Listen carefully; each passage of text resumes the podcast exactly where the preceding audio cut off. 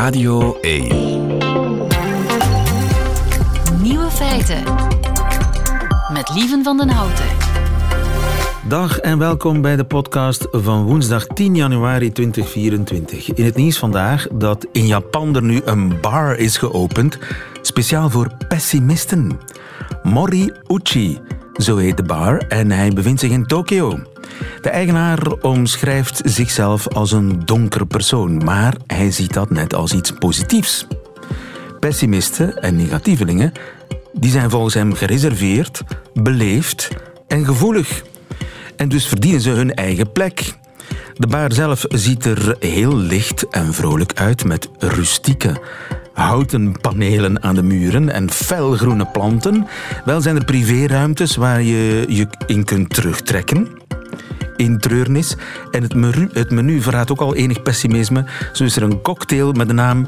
Mijn moeder, die op het platteland woont, stuurde me een meloen voor mijn verjaardag, maar ik durf haar niet te zeggen dat ik geen meloenen lust. Een café voor zure mensen, bestond dat niet al en heet dat niet Twitter? Maar goed, de andere nieuwe feiten vandaag. We vinden een nieuw ontbreekwoord, want hoe heet het tegendeel van een koukleum?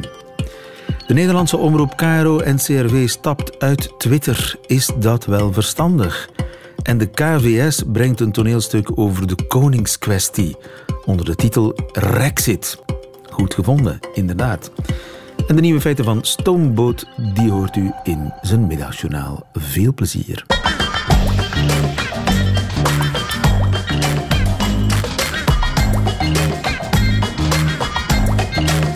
Nieuwe feiten.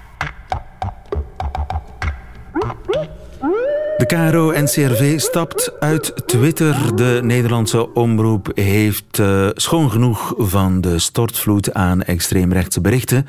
Nadat de zwarte rapper Aquasi meedeed aan De Slimste Mens. Sarah van Leuven, goedemiddag.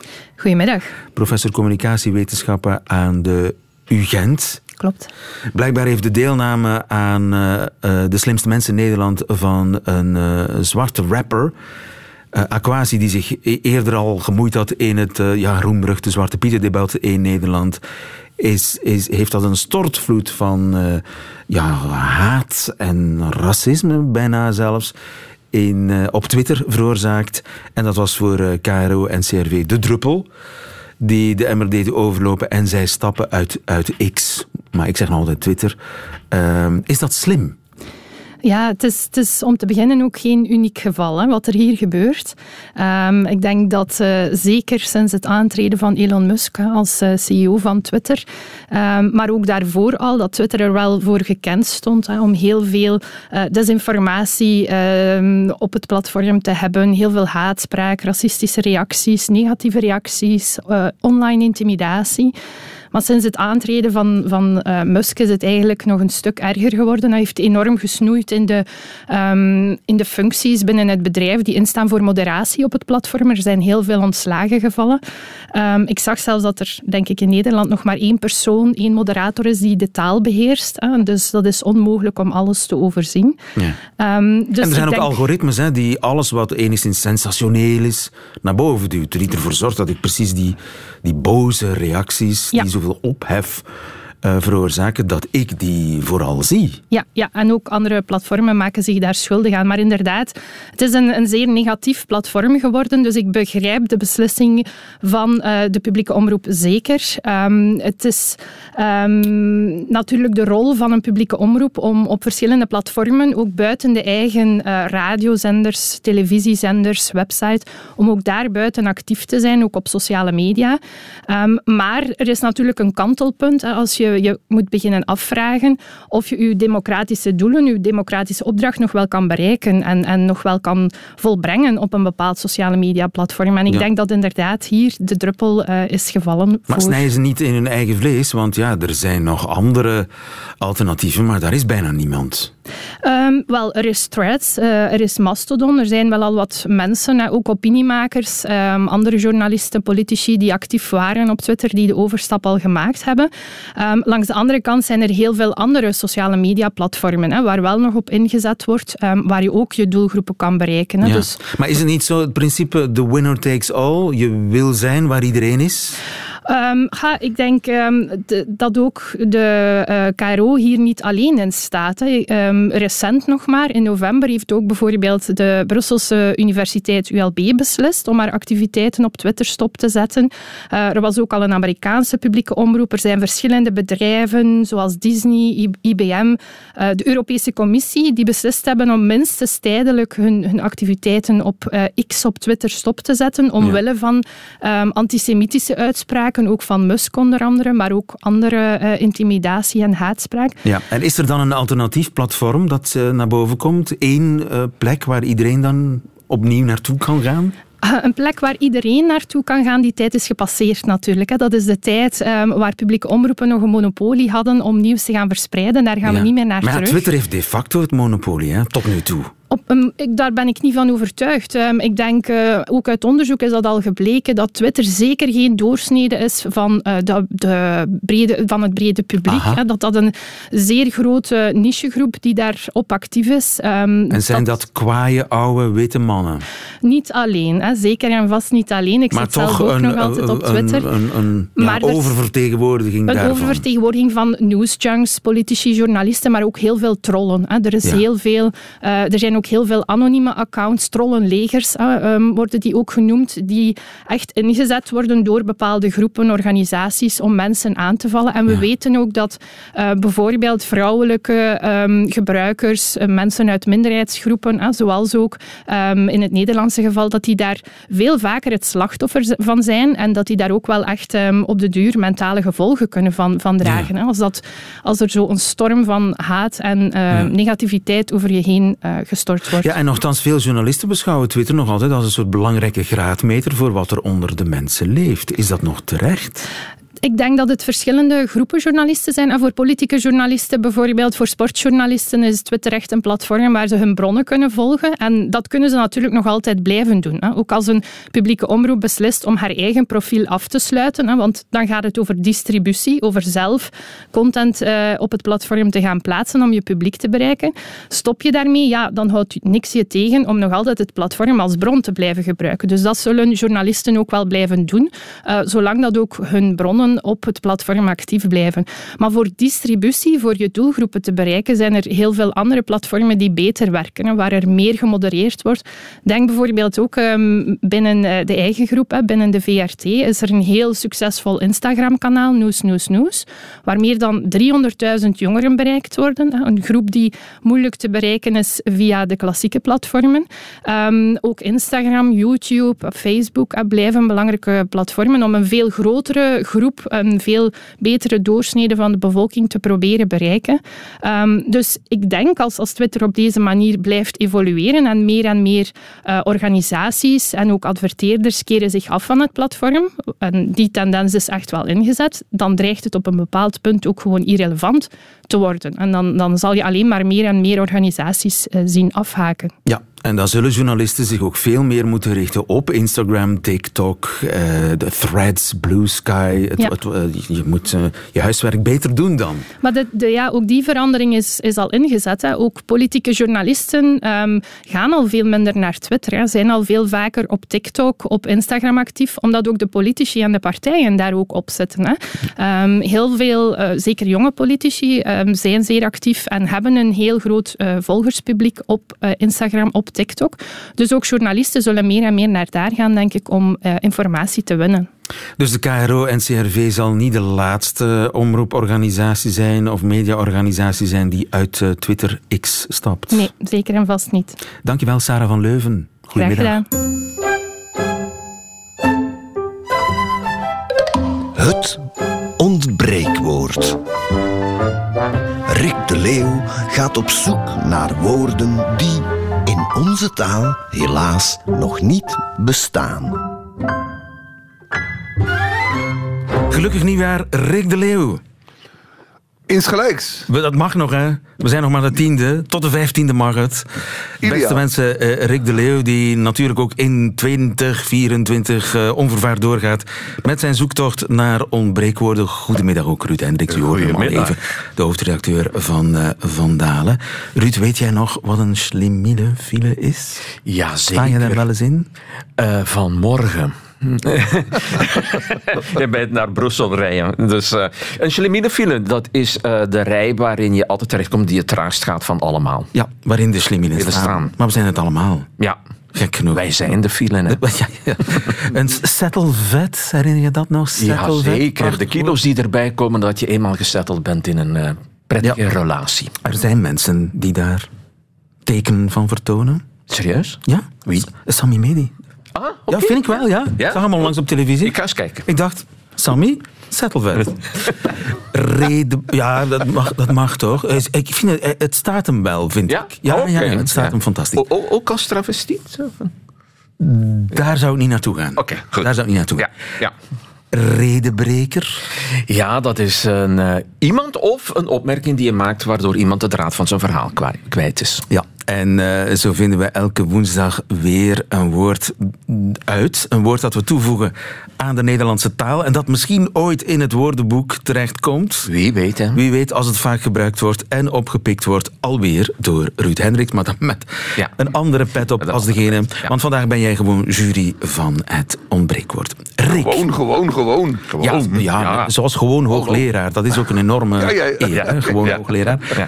Rick de Leeuw, wij hebben voor vandaag een uh, opdracht die we gaan voleindigen. Een opdracht die we al meenemen van voor kerst.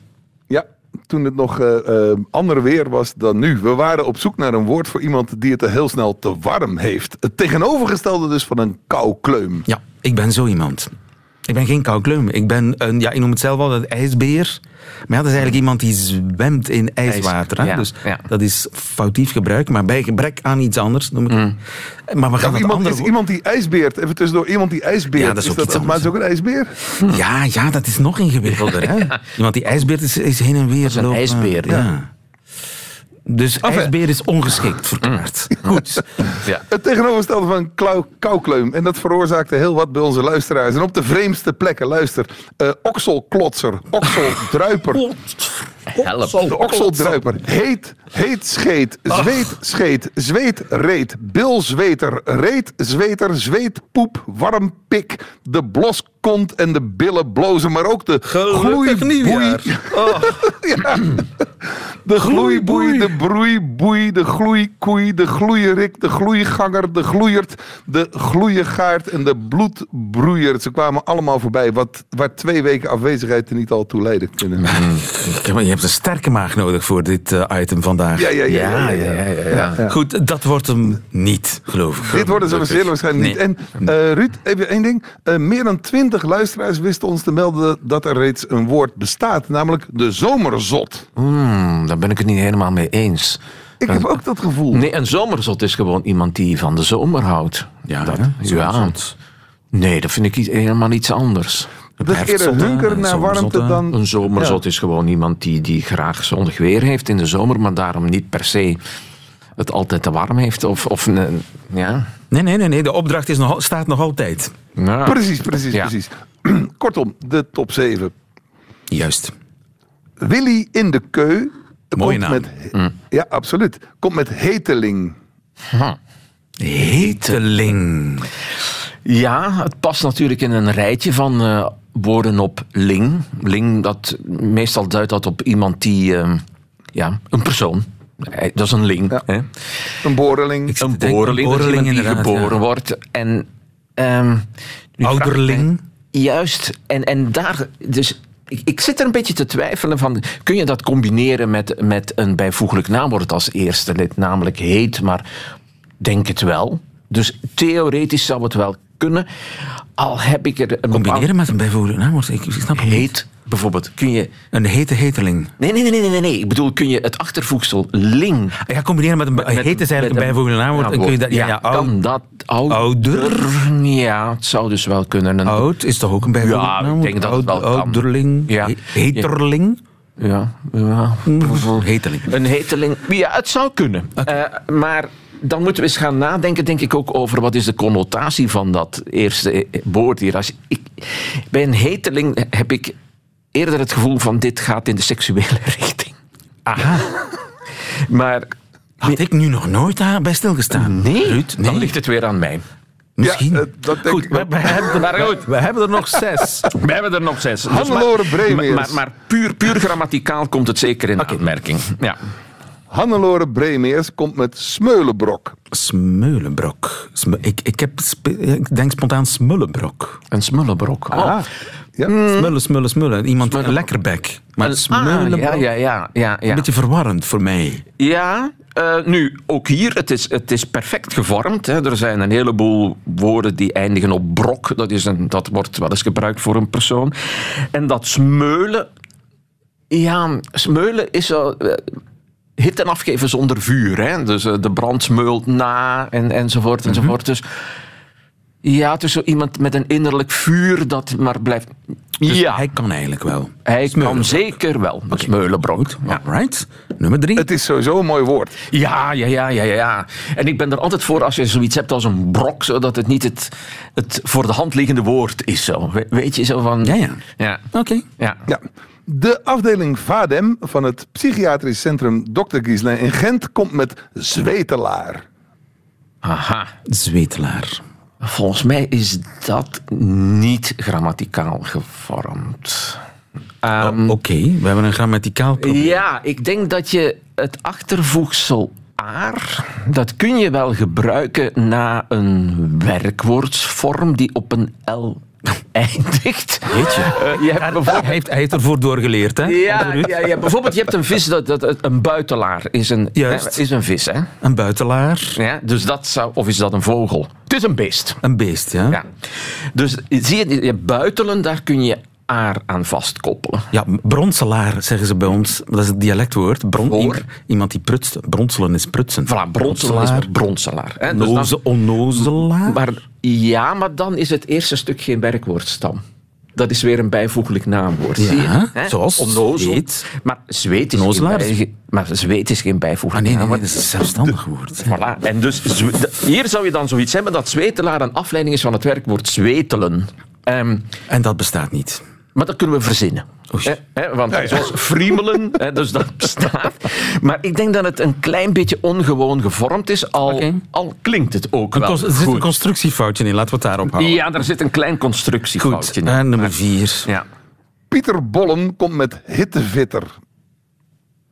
ja, ik weet waar dat vandaan komt. Eh, omdat Vitten is, is klagen, zeuren, Ja, maar we hadden ook gezegd van... eh, we hebben in, er was een woord hittefit eh in, de, Ja. in de lijst van eh, nieuwe woorden Ja, van, dit van dit vorig jaar. Fit. Wel, dit is juist, maar daar is het duidelijk op, op gebaseerd. Hè? Op hittefit naar hittefit. Ehm, Omdat, zit er geen analogie met koukleum? Want dat is iemand die kleumt ja. bij Ja. de kou. En, En iemand die vit vit van de hitte. Hittevitter. Ja, maar je, je zegt hij fit van de hitte, maar voor mij klinkt dat eerder als vitten over de hitte. En, Ja. en dan denk ik, is het misschien een beetje slap. Want vitten is je ergernis uitspreken over dingen, over kleinigheden waar je eigenlijk veel te veel belang aan hecht ook vaak. En dus een hittevitter, dat Ja, is ja. zo van... En Het is te negatief. het klinkt ook heel negatief. En het is... Mensen kunnen er ook niet aan Ja, doen. doen. Ja, Juist. voilà. Hè? Dus je, je, je- Ja, ja. ja. Goed gezien. ja. Hittevitter klinkt een beetje alsof je dat zegt over iemand in plaats eh, Ja, dat zou je niet van jezelf klank. zeggen. Ik ben een hittevitter. Dat is iemand die inderdaad altijd erover klaagt dat het op kantoor veel te warm is. Wat Ja. hier op VRT bij sommige afdelingen, onder andere die van mij, wel Er is degelijk nieuws. Een, bu- een is. buitelaar is geen dier. Ja. Meldt iemand. Een tuimelaar wel. Ah, oké. Een buitelaar is iemand die over de kop duikelt. Ja, maar dat, kijk, er zijn toch Maar het staat niet in jouw vandalen. Nee, nee, nee. tuin. maar, maar, goed, Maar goed. dit even tussendoor. Het had een dier kunnen zijn. Net zoals een tuimelaar. Hittevitter wordt hem niet. We hebben nog drie Caroline mogelijkheden. Merciers. Ja. Ja. Caroline Merciers komt met warmtewatje. Ook, eh, er zit ook een mening in verscholen. Juist, ja, juist. Ik wou net zeggen, het is van, oh, eh, zou je dat ook van jezelf zeggen? Ik ben een warmtewatje. Dat is, ik ben eigenlijk een, een sukkeltje dat niet tegen de warmte kan.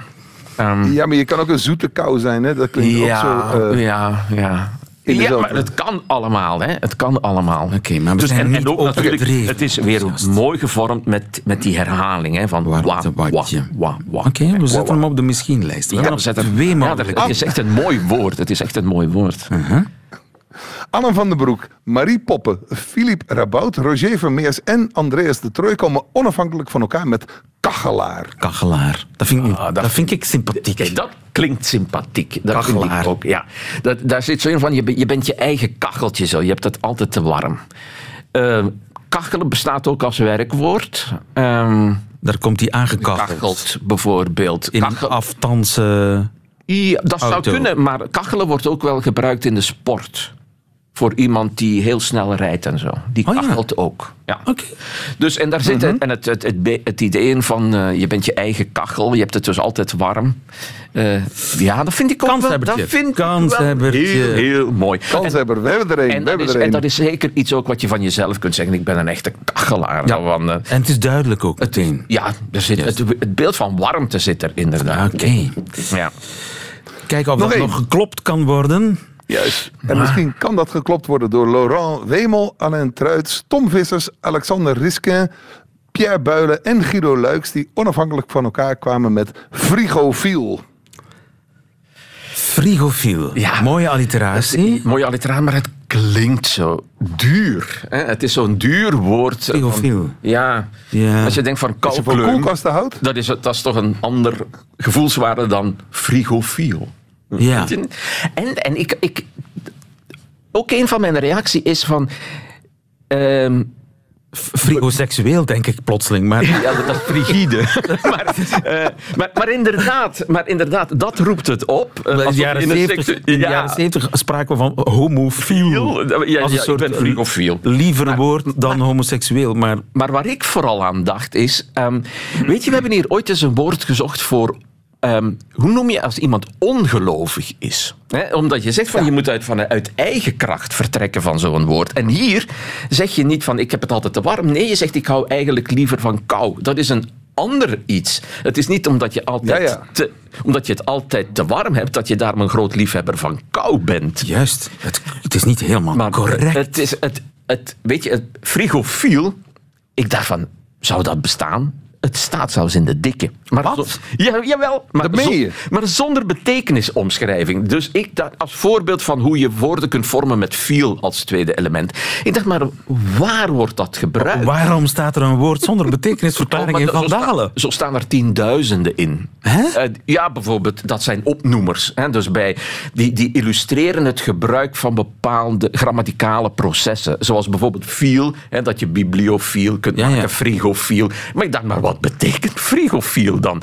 En dus, ik vind het alleen... Ik ben het dan gaan zoeken en ik vind het alleen in de plantkunde. Er zouden frigofiele planten bestaan. Oké. Goed, Maar als dus dat die, dan die zo is, gedijen in de kou. Ja. Hè, Maar zie je, het, het, het- dat het is echt accent- gedijen in de kou is iets anders dan Juist. snel te warm Het, juist, het, het, klemtoon. Het is een nuance, maar- Het, is een, het is een nuance en het ene sluit het ander niet uit. Ehm, ik voel een... Wat hebben we veel geleerd we vandaag. Ja, we hebben ontzettend veel ontzettend geleerd. veel geleerd. Ehm, wat wordt hem? Kachelaar. Het ontbreekwoord van vandaag. Iemand die snel te warm heeft en altijd te warm heeft, is een kachelaar.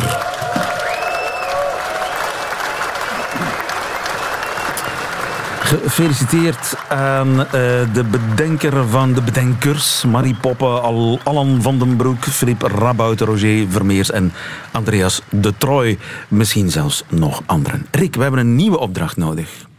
Ja, en we blijven bij de temperaturen. Want gisteren was een schitterende winterdag, hier althans. En een stralende zon aan een staalblauwe hemel. Heerlijk Kijk weer om naar buiten raam. te gaan. Ik kijk uit het raam, Rick. En is ik nog steeds zo, hè? zie dat dat vandaag niet anders is. Ja, ja. Heerlijk weer om naar buiten te gaan, dacht ik. Tot ik buiten kwam. De noordenwind sneed als een mes door de straat en met een gevoelstemperatuur van min 10 tot gevolg. Het was prachtig weer, zolang als je maar binnen blijft. Mhm. In IJsland wordt dat kloekavedder genoemd. Klokken van Kloek- Kloeka. van. En, en in het Engels hebben ze dat vertaald als window weather. Dat betekent het ook. Window Ja, weather. Is Weather, een weather. Ja, je is spreekt eh, vlot IJsland. Nee, maar ik ben er een paar keer geweest. En je, je, een van de mooiste dingen in IJsland is de Gluggafoss. En dat is de vensterwaterval. dus die Gluggi, dat is venster. Venster. en verder...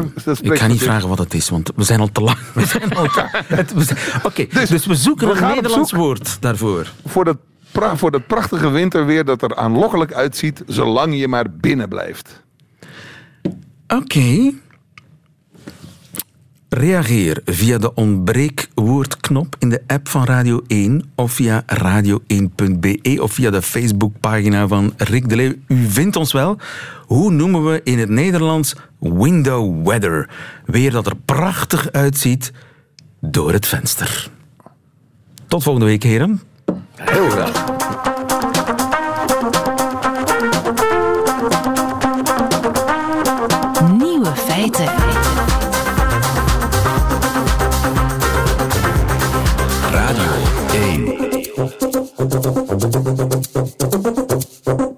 75 jaar na de koningskwestie is het een toneelstuk geworden. Rexit. Geschreven door Vincent Stuur. Goedemiddag, Vincent. Goedemiddag. Vincent, jij eh, was in een vorig leven woordvoerder van Karel de Gucht. Je bent nog steeds politiek actief of helemaal eruit? Ik ben zelf niet meer politiek actief en ik werk in het Europees Parlement. Dus eh, ik doe nog volop aan politiek achter de schermen. Maar je bent ook schrijver van toneelstukken onder meer. En volgende week gaat Rexit in première in de KVS in Brussel. Een toneelstuk over de koningskwestie, zeg ik dat goed? Ja? Met Valentijn Danens als Leopold III. En eh, Paula Ries Spaak wordt gespeeld door Bruno van den Broeke. Daar kijk ik geweldig naar uit. Hoe begint het stuk eigenlijk? Waar zitten we als het stuk begint? Wel, ik wil nog niet te veel eh, verklappen. Het begin mag je toch verklappen? Ehm, Dan is er nog geen twist gebeurd. het het begint met een toespraak van eh Paul-Henri Spaak, die eigenlijk terugkijkt op de Koude Oorlog en het einde van eh, de Koningskwestie, de periode waarin eh, de Koningskwestie zijn ontknoping vindt. Aha. En pas dan gaan we terug in de tijd naar één, wat is de dynamiek tussen die twee persoonlijkheden, die enorm boeiend is, ehm, zowel politiek als, als psychologisch. En tot eh, de, de kern van de zaak zijn de, de, de nacht van Wijnendalen waar de breuk zich voltrokken heeft. Het zal heel veel mensen nog niet veel zeggen, maar dat is juist het spannende De van zo'n nacht van. Wijnendalen. Ja, En is dat voor of na de oorlog? dat is voor de oorlog, of bij het begin van de oorlog. Het is zo, ik weet niet of ik volledige les moet geven over de koningskwestie, maar de breuk tussen de politiek en de koning, specifiek tussen Paul-Henri Spaak en Leopold III, eh, heeft zich voltrokken op het moment dat de capitulatie getekend moet worden. De, de Duitsers zijn eh, in mei 1940 echt onoverwinnelijk militair, zijn we aan het eind van ons Latijn. En dan komt de politieke keuze, vecht je verder vanuit het buitenland of plooi je ook politiek en leg je je neer bij de Duitsers die België dan eh, overwonnen en bezet hebben? Ja. Dat is de vraag waar de politiek ten opzichte van de koning staat en waar ze uiteengaan in een, een zeer spannend moment in de, eh, het kasteel van Wijnendaal in West-Vlaanderen. Het moment dat de, de bommen vallen in de kasteeltuin. Daarna vertrekt de regering naar Frankrijk om uiteindelijk in Londen terecht te komen. En de koning blijft om zich gevangen te laten nemen door de Duitsers. Ja, bepaalde ministers in koffers van auto's, meen ik mij te herinneren. Dat, dat, Ja. dat die zo in Londen zijn geraakt. Nu, eh, dat is de, natuurlijk de geschiedenis, hè. Eh, de, de grote, het grote dilemma dat zijn ontknoping heeft gekend in het kasteel van Wijndalen. Ehm, het is een botsing van wereldbeelden. Ja, het, het leuke van het verhaal is, het duurt tien jaar eer ze uiteindelijk terug tot een, een oplossing komen waar een van de twee moet opgeven. De, de titel doet al vermoeden dat dat de koning is. Maar uit die specifieke botsing bij het begin van de oorlog komt eigenlijk een botsing over wat er na de oorlog, hoe het land en de wereld na de oorlog er juist moet uitzien. Kunnen we terug naar een België van voor de oorlog dat neutraal is, dat zich voor een stuk afscheidt van de rest van de wereld en dat ook minder democratisch, een stuk conservatiever is, zoals Leopold III dat eh, voor ogen had? Of is die wereld effectief veranderd met een eh, meer open economie, met een, een, een democratischer stelsel, eh, aangehaakt in, in wat op dat moment de westerse wereld is, waar Paul-Henri Spaak voor gaat staan. Dus het is een botsing niet alleen van twee vrij jonge mannen trouwens, ehm, op dat moment, maar ook van twee wereldbeelden, van mensen die zich proberen een rol te zoeken in veranderende werelden. En dat is op dat moment, het moment dat de wereld heel erg verandert, eh, zeer spannend en, en een hoog oplopende ruzie geworden, die uiteindelijk ehm, we zijn dat voor een groot stuk vergeten, die alleen maar op te lossen is, niet politiek, niet persoonlijk, maar met een, uh, een volksraadpleging in 1950, waar echt de Belgen allemaal moeten kiezen wie van de twee nu gelijk had, grosso modo. En het land echt tot op de rand van, uh, van een burgeroorlog geduwd wordt. Inderdaad, hè. en die, die wereldbeelden die botsen, kun je dat vergelijken met de wereldbeelden die vandaag botsen? Ja, um, ik vind het wel nu, de, de, als, als u vraagt, zit dat in dat uh, theaterstuk allemaal duidelijk in, dan, dan moet ik um, um, een, minder duidelijk antwoord geven. In die zin, je maakt geen theater met een politieke boodschap over wat je vandaag uh, politiek moet zien. Maar het is wel zo dat het, het, het, interessante van het verhaal, los van alle theatraliteit die erin zit en de, de boeiende historische figuren, is het dat het echt om politieke archetypen gaat. Tussen iemand die van nature uit conservatief reageert en die vindt dat de wereld te snel gaat en dat probeert een stuk tegen te houden, de koning. En anderzijds een Paul Henri Spaak, die de ultieme politicus is, die ziet waar de wind komt, uh, die voelt waar de wind vandaan komt en zich daar dan een, een rol in probeert te vinden en meegaat in de veranderingen die dan mee vorm probeert te geven. Dus het zijn twee archetypen die volgens mij altijd in de politiek, niet alleen in België 70 jaar geleden, maar ook vandaag in, in, in elk democratisch land ja. een stuk terug te vinden zijn. Juist, ja, maar, maar toen kwam de politieke wind van de kant Spaak, zeg maar. Maar nu komt de politieke wind meer van de kant Leopold. Wel, in, in die zin is het wel heel relevant allemaal. Ja. De, de, de, die, je zou het, karakter van een Leopold in andere omstandigheden uiteraard maar perfect kunnen vergelijken met de conservatieve uh, um, wind die toch wel door de, door de wereld waait. Hè. Uh, of dat nu Trump in Amerika is of Orbán hier of, of, of meer gematigde vormen daarvan. Um, terwijl Spaken eerder een, een um, ja, een, een, een gladde politicus is, een, een man van het compromis en, en het, uh, zeer realistische. Um, maar die daar dan ook een stuk minder, uh, minder gevrongen staat op de wereld op zich. En ik denk dat dat een vraag is die ook vandaag zeer, uh, zeer relevant is. Ja. En zijn het, is het ook een persoonlijke botsing? Zijn, waren het ook twee totaal verschillende karakters? Ja, absoluut. Um, het waren ook, voor zover je dat met een, een, koning kan zijn, waren het ook vrienden. In die zin van, Spaak was een van de weinige mensen voor de oorlog. Dus twee mannen die op hun 35 aan de hoogste verantwoordelijkheden van hun leven stonden. Dus minister en koning op het moment dat er een, een oorlog uh, dat je al voelt dat die oorlog eraan komt. Dus het is een, een, uh, een, enorme druk op twee jonge mannen en die daar ook persoonlijk naar elkaar toegedreven zijn. Herinner u, de koning is zowel zijn vader als zijn vrouw uh, Astrid op, op jonge leeftijd verloren. enorm persoonlijk chockerend moment ook. En Spaak is een van de weinige mensen die door dat harnas van de koning geraakt. En zo, er ontstaat iets van vriendschap. En ook die wordt volledig onder druk gezet op het moment dat zij politieke andere keuzes gaan maken, tot het een, een open vijandschap wordt na de, na de oorlog. Dus ook op, op persoonlijk vlak is het een heel mooi en, en, en tragisch verhaal. Um, omdat ze op, wat, op een bepaald moment vullen ze elkaar perfect aan. De, de wat stramme en, en autoritaire, charismatische koning enerzijds, en anderzijds de joviale en, en zoals ik al zei, gladde politicus die Paul-Henri Spaak was. Um, maar wat voor de oorlog een sterkte was en, en complementair was, wordt echt een, een complete uh, botsing na de oorlog. En ook dat verhaal proberen we een stuk um, op podium te zetten. Ja, ik kijk er ontzettend naar uit, naar die uh, botsing van uh, mensen, van vrienden en van wereldbeelden. De première is volgende week in de KVS in Brussel. Mag je heel veel succes wensen. En hartelijk dank voor dit gesprek, Vincent Stuur. Goedemiddag. Dank u wel. Dag. Nieuwe feiten. Middagjournaal.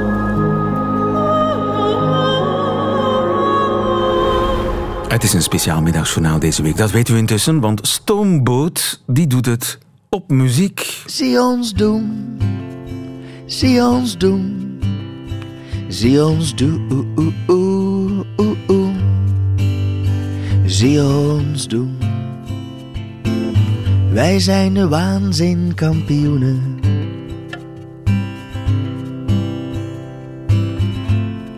Poëten in de cel. In Ecuador ontaardt het snel. En die keppels in de rechtbank. Mag het niet of mag het wel? Zie ons doen, zie ons doen zie ons doen. Geen hondenvlees meer in Korea. Helemaal geen eten meer in Gaza. Franse premier van 34. Die moet een nieuwe wind doen blazen. Zie ons doen, zie ons doen, zie ons doen. Heel de wereld heeft het koud,